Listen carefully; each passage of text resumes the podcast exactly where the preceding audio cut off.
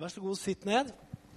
Det er nattverdsgudstjeneste, og da, da, har vi hatt som heading og har det sånn undertittel, og det er 'Tett på Gud og tett på livet'. Og det er fordi vi, vi tenker at det er Det å være kristen det innebærer at man, man gjør mange ting. Uh, man gjør ting for Gud osv. Og, så og, og som menighet, som kirke, så er man opptatt av kanskje ting man skal gjøre for Gud. Og så er det også sånn at uh, vi har det vi kaller det indre livet. Altså hvordan vi, hvordan vi har det på innsida, vår relasjon med Gud. Og det har vi lyst til å bruke litt, uh, ha fokus på i de gudstjenestene her. og Derfor skal jeg snakke i dag om bønn. Det er lenge siden jeg snakka om.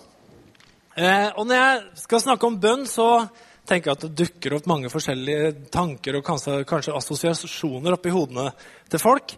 Og saken er at det, det bes jo på enormt mange forskjellige måter. Eh, folk har et veldig ulikt forhold til bønn. Hva er det for noe? Hvordan ber jeg? Når ber jeg? Hvor mye skal jeg be? Hvor lite burde jeg be? Eller hvor lite klarer jeg meg med? Og, så. Eh, og hva slags bønner er det jeg faktisk ber? Det var jo som gutten som eh, Han hadde vært litt ulydig, litt slem hjemme og ble sendt inn på rommet og kommer tilbake til mammaen sin og sier det at nå har jeg tenkt over det du sa, og jeg har, jeg har også bedt til, en bønn til Gud. Og Da sa mammaen at det er kjempebra. For når du ber Gud om at du skal bli snill gutt, så kommer han til å svare deg. Og Så sier gutten at det var ikke det jeg ba om. Jeg ba til Gud om at han skulle gi deg nåde til å takle meg. Og Det er klart, det er mange måter å be på. Jeg husker eh, jeg, husker eh, jeg var på et bønnemøte for eh, ja, en stund siden, et år siden eller noe sånt. Og så, så, var det ei dame der som skulle be. Hun ble veldig ivrig. og blant annet så ble hun veldig fyra opp av det at det var så mange uh, tyver da, fra, som kom fra Øst-Europa hit til Vestfold og stjal båtmotorene våre og båtene våre. og De var sånn tyveribande fra Polen og, og Litauen og sånn. Så hun var veldig fyra på det. Så hun ba, vet du. Kjære Gud, ikke sant? vi bare står imot det her, disse tyveribandene. og vi, vi ber om at rettferdighet skal være i vårt område. Vi ber at disse bare skal reise videre. Og jeg tenkte Jeg sto på det bønnemøtet og tenkte Ja, reise videre. Interessant, liksom. Så jeg bare begynte, Hvor drar de da? De drar til Telemark. ikke sant? Der, der er det mange kristne, så de har sikkert bedt sånne bønner der òg. At det ikke må skje noe gærent her. Så Da reiser de bare videre da, til Sørlandet. og Der er det jo veldig mange kristne. Helt sikkert en bønnegruppe som har bedt der om at det ikke skal skje noe tyveri i byen deres. sånn. Så de reiser og reiser og kommer ned kysten og Rogaland. Det går ikke bra. liksom Overbefolka kristne. Og kommer opp til jeg fant ut de stopper i Nord-Trøndelag, tenkte jeg, altså, hvor det er mye hjemmebrente, få bønnegrupper. de havner der, kanskje, men der er lite båtmotor igjen. altså. De slutter kanskje helt. Men det er interessant hvordan vi kan be noen ganger. hvordan blir vi vant til å be. Fikk, hun fikk masse ammen på den bønnen der. Jeg tenkte, hva betyr egentlig den bønnen? Reis videre. ja. Eh, når, jeg sier, når jeg sier ordet bønn, så tror jeg det kanskje automatisk dukker opp en del forskjellige reaksjoner inni mennesker her i salen. Noen tenker kanskje ja, det burde jeg ha gjort mer. Bør ikke rekke opp hånda. Hmm, det er eh, noe jeg egentlig aldri har gjort noe særlig av. Eller hvorfor skal jeg be? Virker egentlig bønn? Og eventuelt hvordan skal jeg be? Jeg tror folk har veldig forskjellige forhold til det. Men jeg tror at og det gjelder ikke bare kristne sammenheng, det gjelder all religiøs sammenheng. Så er saken at det kan virke som at bønn, og mye bønn, eller om det er i andre religioner, det kan være meditasjon osv. Det kan virke som at eh, holdningen i alle religioner, inkludert kristen religion, er at jo mer man ber, jo bedre er det. Jo større åndelig medalje får man. Helt klart.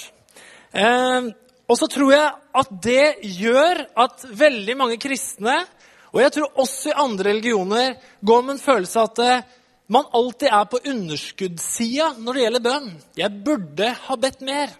Jeg burde ha bedt bedre. Jeg burde egentlig ha bedt oftere. Jeg tror kanskje at bønn er en av de områdene hvor idealet vårt er lengst unna praksisen vår. Det, det lurer jeg på om det er for veldig mange. Men så tenker jeg, når jeg ser litt på det her, hvordan Jesus snakker om det, så tror jeg kanskje samtidig at mange ber mye mer enn de er klar over at de ber. Jeg tror mange ber mye mer enn de er klar over. Men det her med medaljen, altså Jesus forteller om det her ganske mye, om at mye bønn ga en viss åndelig prestisje. For så forteller Jesus i Lukas 18 han sier sånn her, at det var to menn som gikk opp til tempelet for å be. Den ene var en fariseer, og den andre var en toller. Fariseeren stilte seg opp for seg selv og ba slik.: Gud, jeg takker deg for at jeg ikke er som andre mennesker, de som svindler, gjør urett og bryter ekteskapet, eller som den tolleren der. Jeg faster to ganger i uken og gir tiende av alt jeg eier. Tolleren han sto langt unna, ville ikke engang løfte blikket mot himmelen, men slo seg for brystet og sa, Gud, vær meg synder nådig. Jeg sier dere, tolleren gikk hjem rettferdig for Gud, den andre ikke. For hver den som setter seg selv høyt, skal settes lavt, og den som setter seg selv lavt, skal settes høyt. Jesus sier også i Matteus 6, 5-9, så sier han som følger Når dere ber, så skal dere ikke gjøre som hyklerne. Det er sånn som han tolleren vi hørte om akkurat. De liker å stå i synagogen og på gatehjørnene og be for å vise seg for folk. Sannelig sier jeg dere, de har allerede fått sin lønn. Men når du ber, så skal du gå inn i rommet ditt, lukke døra og be til din far som er i det skjulte. Og din far som ser i det skjulte, skal lønne deg. Når dere ber, skal dere ikke ramse opp ord slik hedningene gjør. De tror de blir bønnhørt ved å bruke mange ord. Vær ikke lik dem, for dere har en far som vet hva dere trenger, før dere ber han om det. Slik skal dere da be Fader vår, osv., osv. Det, veldig, det her er veldig sånn typisk tenker jeg, det her Jesus tar opp. Jesus lever i et veldig religiøst samfunn. Eh, for, I det jødiske samfunnet. Og der er det sånn helt tydelig at fariseerne eh, har kommet til å bruke bønn som en måte til å få en åndelig medalje på. De ber lange bønner. De ber gjerne offentlige bønner som er på steder som er synlige for andre. Og det blir veldig synlig at de er bønnens menn. ikke sant? Og Jesus han går det her veldig sterkt til møte at eh, dere skal ikke be sånn. Det er ikke viktig at folk får greie på hvor mye dere ber. Det er ikke viktig. Det er heller ikke viktig at dere bruker mange ord og saken er det at det, det spennende som Jesus sier, at saken er det at Gud vet hva dere trenger allerede før dere har bedt bønn. Så kan vi spørre da ja, men hvorfor i all verden skal vi be da? Hva er vår motivasjon for å be hvis Gud allerede vet det? Jeg mener, Er Gud så eh, liksom Må han bare ha at vi skal komme og si det, liksom? Hvorfor er det sånn at vi trenger å be? Hva er det Jesus snakker om? snakker om Gå inn og vær for deg selv. Ha et privat sted. Lønnkammeret, rommet ditt, eh, bilen din, et eller annet alenested. Et eller annet sted hvor du er privat. Der vil jeg, sier Jesus, at du skal be dine bønner. Og der vil jeg ikke at du skal nødvendigvis bruke mange ord. Men jeg vil at du skal være bedende. Jeg vil at du skal være sammen med Gud. Vi skal ta det her litt videre. Jesus han går videre i den fortellingen her og sier sånn skal dere be, sier han, og så lærer han oss Fader vår. Fader vår tar 25 sekunder å be. Hvis du ber den i helt vanlig tempo, så tar den nøyaktig 25 sekunder å be. Det er en ganske kort bønn. Og så kan vi spørre ja, men er det det hele. Skal vi bare be Fader vår og så gå ut igjen? Eller er det noe mer? Jesus forteller oss noe mer om, ut fra livet sitt om det om bønn. For det står at Jesus var ofte i bønn. Han var ganske lenge i bønn. For, så det stemmer jo ikke helt at vi bare skal be Fader vår 25 sekunder, og så er vi ferdig. på en måte. Det er én bønn, men Jesus forteller også om andre bønner. Han, han forteller en annen historie i Lukas om en urettferdig dommer og en enke som var fattig. Og Denne enka kommer til den urettferdige dommeren og ber om å få sin rett og blir avvist flere ganger. Men hun gir seg ikke. Hun kommer tilbake og kommer tilbake. Kommer tilbake. Og dommeren sier om hun ikke har lyst til å gi henne hennes rett, så gjør jeg det likevel fordi at hun maser så utrolig mye, den dama der. Og Så bruker Jesus denne historien og sier Hør hva den uhederlige dommeren sier. Skulle da ikke Gud hjelpe sine utvalgte til deres rett? De som roper til ham, de som ber dag og natt, er han sen med å hjelpe dem? Jeg sier dere, Han skal sørge for at de får sin rett, og det snart. Og når menneskesønnen kommer, vil han da finne troen på jorden. Så her snakker altså Jesus om en dame i denne lignelsen her som ber og roper dag og natt. Og Jesus sier de skal få sin rett. Og det var et, jeg, jeg, husker ikke hvem det var engang, men det var en som vitna om den gang at han, han, han tok det her veldig bokstavelig, så han skulle be dag og natt. da. Så han trodde ikke han kunne sove eh, omtrent. Og han tenkte at han måtte bruke ord hele tida. Men hva, hva, er det Jesus snakker om her når han snakker om dag og natt osv.? Jeg tror det er viktig å se at bønn er viktig. Men jeg skal prøve å snakke litt om hva, hva er bønn til for? Hva slags bønner skal vi be? Hvordan kan vi, et, hvordan kan vi få et bønneliv? Hvordan kan vi ha et bønneliv som vi sier fungerer? For Det første spørsmålet vi kan stille oss, det er virker bønn? Er, noe, er bønn bare en religiøs handling, eller er det noe som virker? Og Så kan vi spørre oss hva slags bønn er det som virker? Og hvordan og hvorfor be? Det fins et eh, eksempel eh, som er høyt elska av veldig mange ateister. Det er sånn at i, eh, han, eh, Charles Darwin han hadde en fetter som het Francis Galton. Eh, var, de var begge da barnebarn av Erasmus Darwin. Eh, som igjen var sønn av en rik kveker. Så Darwin kom egentlig fra en kvekerfamilie, de som satt og venta på Gud. Men fetteren hans, altså Francis, han, eh, han var matematiker. Og han, da han fikk eh, boka 'Artenes opprinnelse' av fetteren sin og leste den, så sier han at biter falt på plass. Og en av de ting, Han ble da tydeligere og tydeligere ateist. En av de tinga som, eh, som, Francis Galton gjør, det er at han, han, er stat, han, er nemlig matematiker og statistiker.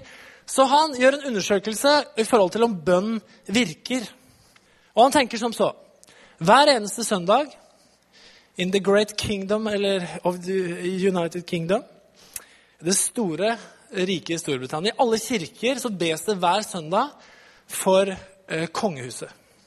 Kongehuset blir bedt for hver søndag. Det er ingen andre i vår nasjon, i vårt rike, som får så mye forbønn som det engelske kongehuset. Så da er spørsmålet, siden de får så mye forbønn, så burde jo da den forbønnen virke på en måte på dem som gjør at det går bedre med dem. Så han begynte å undersøke i forhold til gjennomsnittet befolkning osv. Blir de øh, sjeldnere syke? Dør de senere? Har de et bedre liv? Blir de utsatt for færre ulykker? Og så videre, og så videre. Mange mange sånne ting. Og han kommer fram til at kongehuset, som får forbønn hele tida i alle kirker i England, de, vi kan ikke se noen synlig effekt av disse forbundene. De dør like ofte, kanskje eller tidligere. De bør, man dør bare én gang. De dør eh, i hvert fall like tidlig som resten av befolkningen. De har like mange snitt ulykker, sykdommer, bla, bla, bla. ikke sant? Det skjer like mye gærent der. Ergo forbønn virker ikke, var hans tese. Og denne Undersøkelsen er jo, er jo, veldig mange ateister veldig glad i, som forteller at det, det fungerer jo ikke, det her med forbønn. Denne Undersøkelsen ble gitt ut i 1872 eh, og ble, skapte mye diskusjon og så videre, om det var noe vits. Så må vi spørre Bønn virker ikke. Gjør det ikke det? Så må vi spørre, Når Bibelen snakker om å be for f.eks. de som er i høy stilling, hva slags bønn var det vi ble bedt om å be? Og hvorfor skulle vi be for dem? Den teksten som den praksisen er tatt ut fra, kjenner mange av dere til, fra 1. Timoteus 2, hvor det står Jeg formaner dere, skriver Paulus til Timoteus, framfor alt å bære fram bønn og påkallelse, forbønn og takk for alle mennesker Be for konger og alle ledende stillinger, så vi kan leve et stille og fredelig liv med gudsfrykt og verdighet i alt. Dette er godt, og noe Gud, vår frelser, gleder seg over. Han som vil at alle mennesker skal bli frelst og komme til å lære sannheten å kjenne. La oss snu litt på det verset. Sluttsummen av det han sier her, det er at eh, Gud vil at alle skal bli frelst og komme til sannhetserkjennelse. Det andre han sier han ønsker skal være resultatet av disse bønnene, her, det er det at vi kan leve stille og rolig liv. Så vi kan være opptatt av det som er viktig, og ikke holde på med strid og vanskeligheter og problemer i livet vårt, i samfunnet vårt osv. Og så sier han det. Velsign, be for alle med påkallelse, bønn og takk for alle mennesker. Be også for konger og kongehus osv. Så, videre. så er spørsmålet I den bønnen her som blir bedt, så kan vi spørre hva er det vi ber? Hva var det Paulus ba oss om å be? Ikke noe spesielt, egentlig.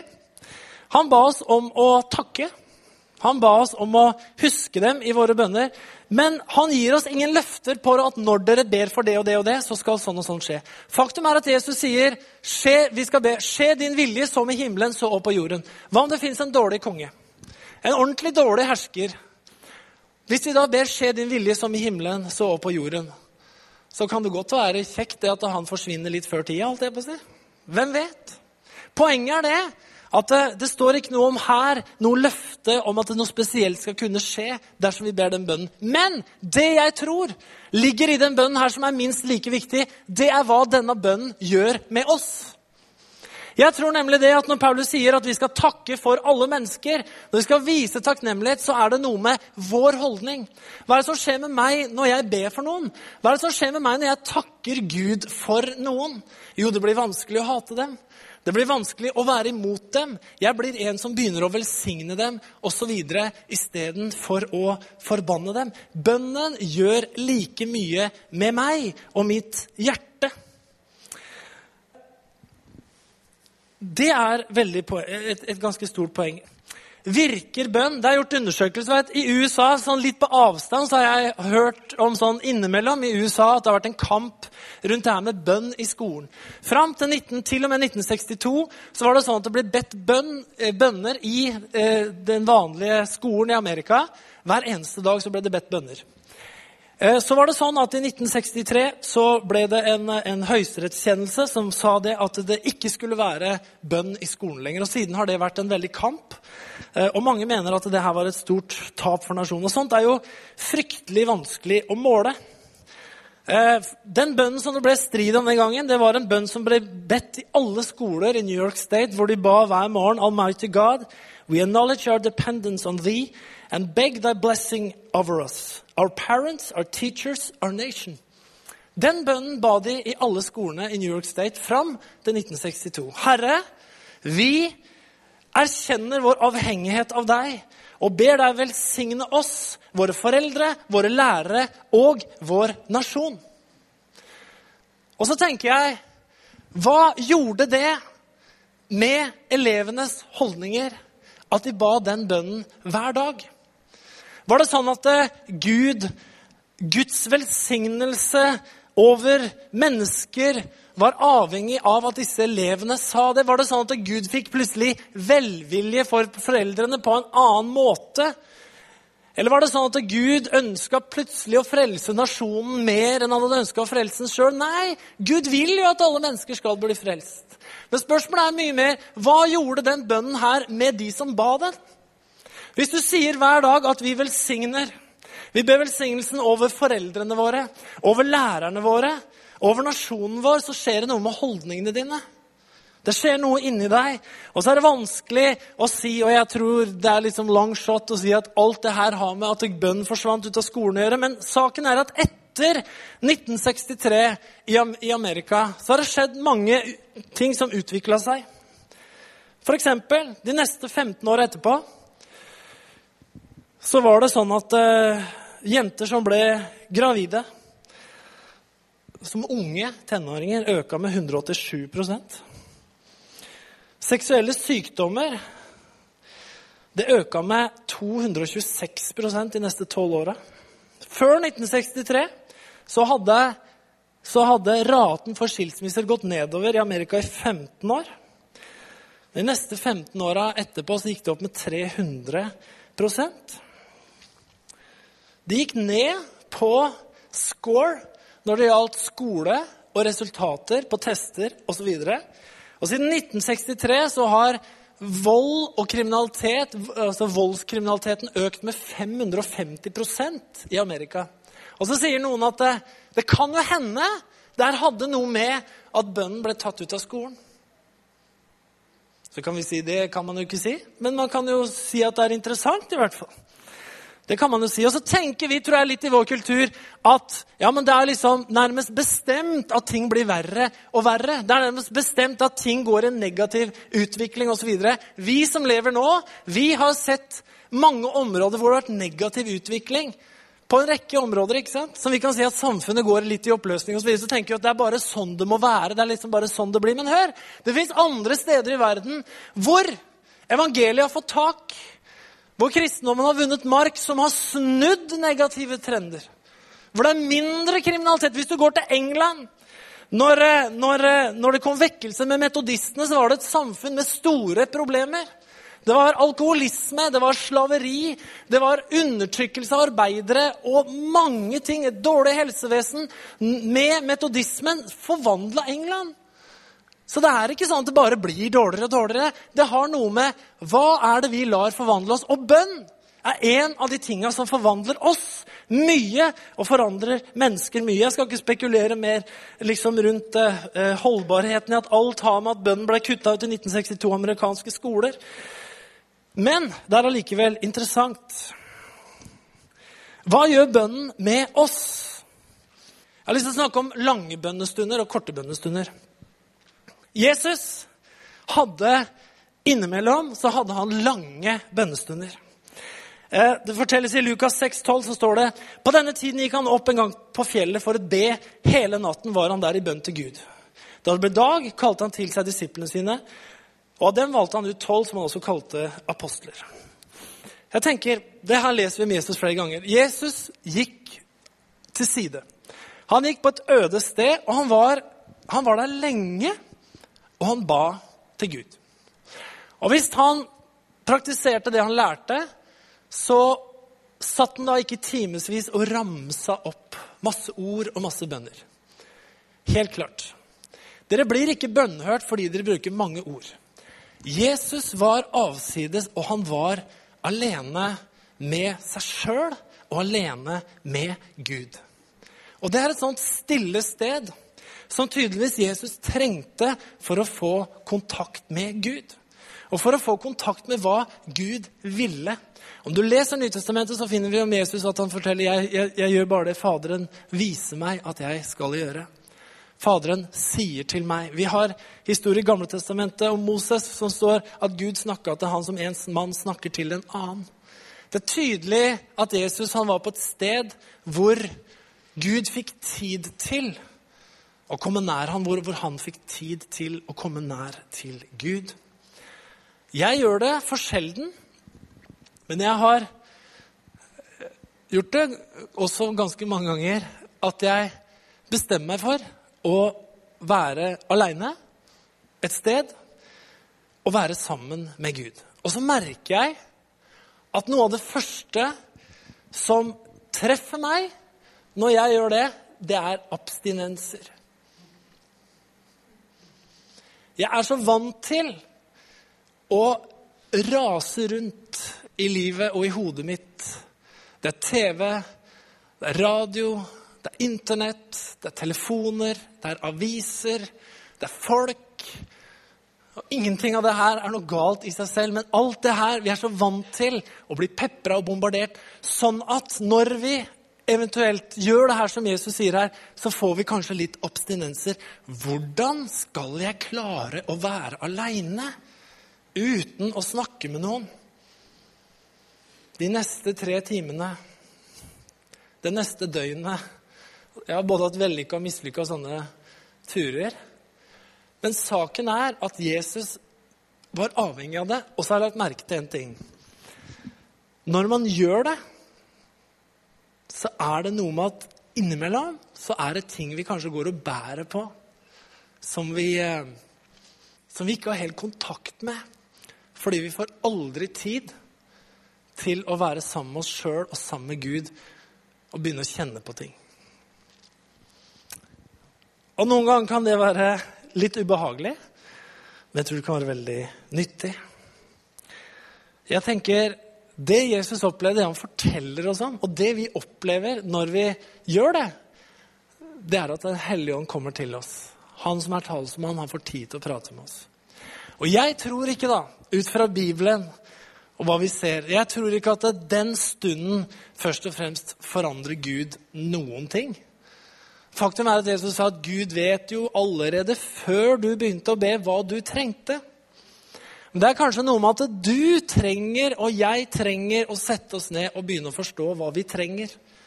Og at Gud er den som er kilden til det hele. Amen. Han var alene, og han lot sine hjerter og sine tanker gå til Gud. Da kommer vi og opplever noe som heter åpenbaring. Og det er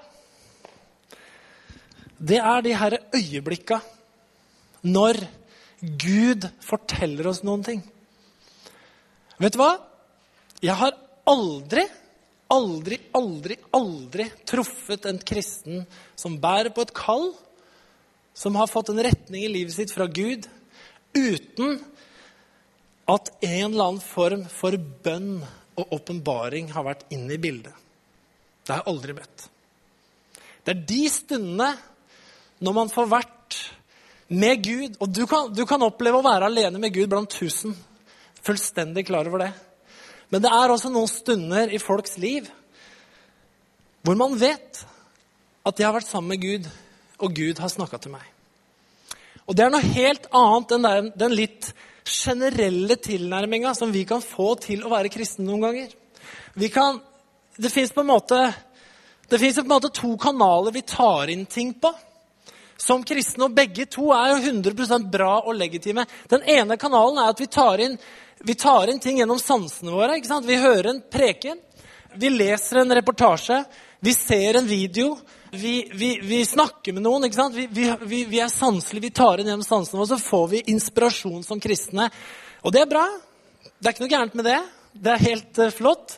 Men samtidig så er det en annen kanal som ikke nødvendigvis er en motsetning, men allikevel er en kanal som heter Deg og Gud-kanalen. Som handler om det her med bønn. Som handler om det her hvor Gud gjør ting spesifikt for deg. Fordi at det som er, eh, det som er skummelt da, bare med å bruke den sanselige kanalen, det er at vi blir litt sånn generelle i oppfatningen vår, og vi skyter veldig breit. Og vi oppfatter ting veldig breit. Men når du ser gjennom Bibelen og du møter mennesker og all kirkehistorie, og alt sammen, så vet du det at det er folk som opplevde Gud talte til dem. Som fikk noe litt mer spesifikt, som fikk noe som var litt tydeligere for dem. Som gjorde at det ble noe mer enn en bra idé, men det ble et kall. Og kallet, mennesker med kall, er det som har båret kirken gjennom hele historien. Ta det fra Paulus, ta det videre. Jeg fikk et kall til, osv. Og, så og så handler det om å være tro mot det kallet. Det er noe som typisk blir født gjennom dette fellesskapet med Gud. Det handler om å bli forvandla. Bønn handler om å bli endra. Det handler om å søke, og det handler om å banke på. Og det her sier Jesus. Det her har dere hørt mange ganger. Matteus 7, 7-8 står Be, så skal dere få. Let, så skal dere finne. Bank på, så skal det lukkes opp for dere. For den som ber, han får, og den som leter, han finner, og den som banker på, skal det lukkes opp for. Det er en dimensjon i det Jesus snakker om her som forteller om at det handler noe om vår forvandling. For På en måte kan man tolke det her i bibelverset som at Gud er motvillig. Altså, holder ikke å banke én gang. Knakk. Holder ikke å lete én gang. Og så handler det egentlig ikke om det. Det handler om be, så skal dere få. Let, så skal dere finne. Bank på, så skal det lukkes opp for dere. Det handler om noen som søker, noen som leter, noen som er inntrengende på å få tak i noe, har det med at Gud er motvillig? Jeg tror ikke det har noe med det å gjøre det hele tatt. Jeg tror det har noe med at vi må finne fram i vår indre jungel noen ganger. Så må vi lete oss fram. Ut av det sanselige, ut av det som preger oss av eksterne ting. Så må vi lete oss fram, så må vi banke oss, så må vi be, så må vi komme til indre visshet om at her er jo Gud. Her er jo Gud. Og så virker det. Så det handler ikke om å, liksom, å fyre av bønnetemaene, fyre av bønnelista bare, om man virkelig skal finne fram. Det handler om å få åpenbaring. Det handler om at Gud viser oss noen ting, osv., osv. Jesus han hadde sånne lange bønnestunder hele natta. Og jeg tenker Hvis han hadde behov for den type bønn, så er jeg helt sikker på at vi også har behov for å trekke oss tilbake på et eller annet sted og få lov å kjenne roen og være aleine. Korte bønnestunder. Jesus lærer oss å be 25-sekundersbønnen Fader vår. Og den er, det, den er, det, sikkert mange av dere som ber. Jeg tenker at den, den bønnen, den, den ber jeg. Og den ber, vi, den ber vi hjemme. Og den ber vi sammen med, med barna også. Jeg, jeg vil at de skal lære den bønnen. Vi ber Vi velsigner maten. Eh, jeg var på et, eh, et sånn stream-seminar på LED 13, og da sa han som hadde om noe av det her med det indre livet. Han sa at eh, bønnen, eller det at vi velsigner maten og takker for maten, det er en av de mest undervurderte bønnene vi har. Hva er det som skjer? Hva er det som skjer i en familie hver gang man skal spise man takker for maten? Hva er det som skjer da? Jo, det som skjer, er at man For det første så viser man takknemlighet. Man takker noen for å få noen ting, istedenfor bare at 'jeg skal ha'. Eller alt, alt er en selvfølge. Det andre er at vi hver eneste dag så plasserer vi Gud som sentrum i en kort handling, men vi plasserer Gud i sentrum for vår takknemlighet hver dag. Kanskje to til tre ganger om dagen, så gjør vi det. Og så er det noe som er med å skape en Guds bevissthet i vårt hjem, i vår familie, der vi er, som er bra. Som vi repeterer igjen og igjen og igjen. Og igjen. Og det skaper en bevissthet med at Gud velsigner oss. Gud gir oss gaver. Det er Han vi skal takke. Vi har besøk hjemme vi, stadig vekk av kamerater til guttene. Og i hvert fall Philips kamerater. Han, som, han blir jo åtte år i år. De begynner å bli litt større. Og jeg ser det når vi setter oss ned seinest på torsdag. Vi satt mange rundt middagsbordet. Vi hadde besøk, vi hadde litt familie, vi hadde noen venner av Philip osv. Så, videre, så vi var eh, ni stykker rundt middagsbordet. Maten kommer på bordet, og gutta er liksom klare til å spise. Nå skal vi takke Gud for maten. Og da ser jeg at de gutta som kommer fra hjem hvor de ikke gjør det, de stopper, og så kikker de og sier Hva i all verden eh, Jaha, hva skjer nå? Og så tenker jeg så herlig Nå takker vi Gud for maten. Det er en enkel sak. Vi tenker kanskje ikke det har verdi, men vet du hva? det er med å plassere Gud et, et tydelig sted i vår familie. Det er med hver eneste dag å drøppe det inn. Hver gang vi ber, om vi ber kort eller om vi ber lang, om vi ber en bønn før vi legger oss om kvelden, så er det med å plassere Gud inn i vår hverdag. Og vet du hva? De korte bønnene de er bra å be. Jeg tenker at De er kjempebra å be. La oss ha med de tinga der. Det er litt sånn rutineprega. Men er det, er det, fordi at er det fordi at Gud på en måte slutter å liksom ordne med avlinger og sånn hvis de ikke takker Gud for det gjør, Nei, jeg tror ikke det handler om Det gjør noe med oss. Det gjør noe med vår hjerteholdning. Det gjør noe med vår måte å leve på og tenke på. Jeg vet det fins eksempler i Bibelen på hvordan, hvordan, Abraham pruta med Gud og fikk Gud til å forandre seg. ikke sant? På Sodoma og Gomorra, kan, hvis det er 50 rettferdige, kan du ikke spare den hvis han pruta nedover til 10, men det gikk jo ikke allikevel. Men uansett Kanskje Gud visste det hele tida, egentlig. Hvem vet? Men i hvert fall, grunnleggende så handler ikke bønn om at det forandrer Gud så veldig mye. Det er sjelden vi leser om det i Bibelen. Det fins også et annet eksempel hvor han sa til Moses at nå er jeg lei av hele Israel, så nå, nå utsletter jeg dem, og så skaper jeg et nytt folk av deg. Og Da sa Moses sånn, nei, det, Gud, det må du ikke gjøre. Husk på, du har jo lovt ganske mange ting her. Og da sa Gud jeg ble, ble litt revet med her, virker det som. da. Jeg tar tilbake. Men som regel så er det ikke det det handler om. Det som, eh, det som er saken for å avslutte det her, det er at eh, det er viktig å be. Og så tror jeg det at mange ganger så ber vi mer enn vi tror. Når, Jesus snakker om det at man, de som ber dag og natt, så tror jeg det at eh, mange ganger så kan du og jeg gå med bønner inni oss. Med lengsel inni oss som vi på en måte uttrykker for Gud stadig vekk. Og vi, vi løfter fram for Han osv. Kanskje du noen ganger gjør det nesten ubevisst. Men jeg tenker at er, Den ubevisste bønnen den er der. Men jeg tenker at lange bønnestunder La meg utfordre deg. Ta deg tid noen ganger Sett av tid. Hvis ikke så får vi jo aldri gjort det. ikke sant? Til å ta noen lange bønnestunder. Gå alene. Og da mener jeg ikke at du skal legge deg ned et eller annet sted og skrike i tunger eller et eller annet sånt noe. Men gå et sted. Sett deg ned. Vær alene. Jesus gikk tydeligvis ut i ødemarken, altså litt ut i skauen eller ut i ørkenområdet. eller et eller annet. Han satt, og han var der sammen med Gud den natta, og han opplevde at Gud forfriska hans indre.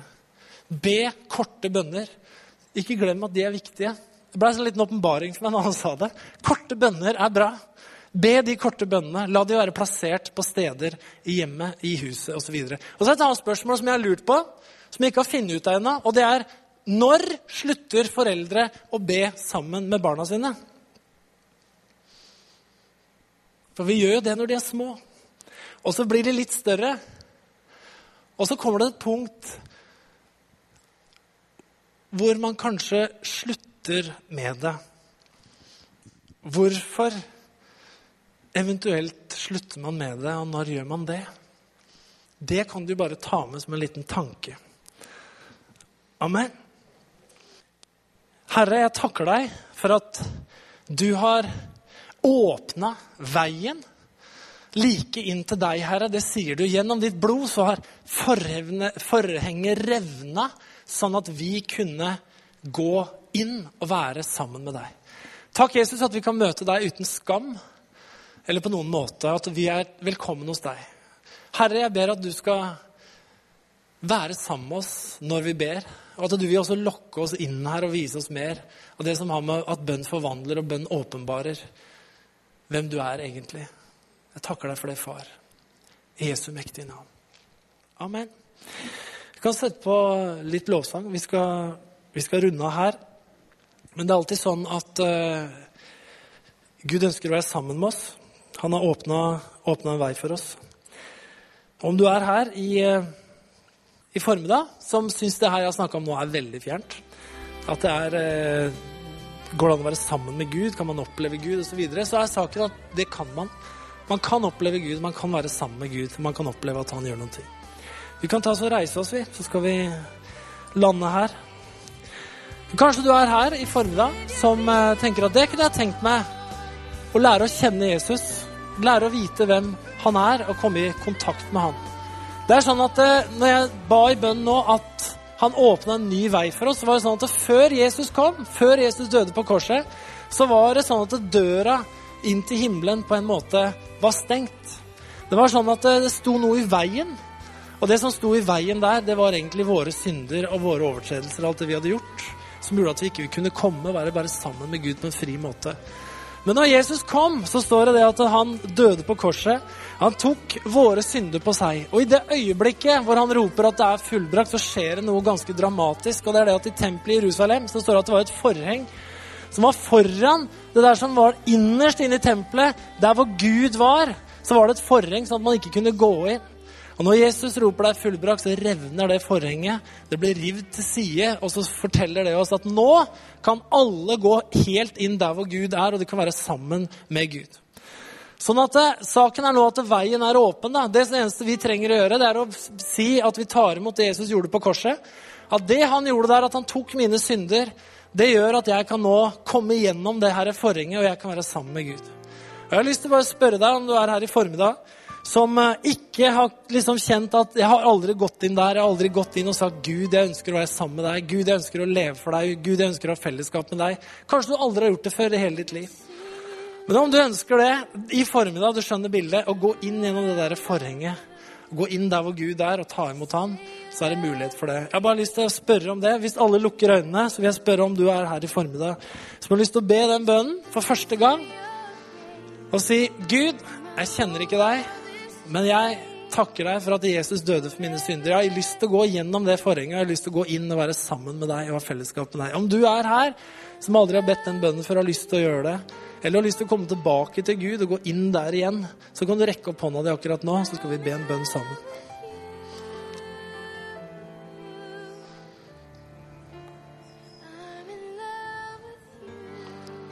Jeg spør en gang til. Hvis du har lyst til å gå inn der, for første gang, eller å gå inn der igjen, så kan du rekke opp hånda, og skal jeg be en bønn for deg.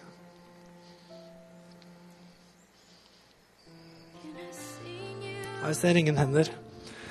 Men da takker vi Gud for at døra er åpen, og vi kan gå inn der. Amen. Så be. Det er bra.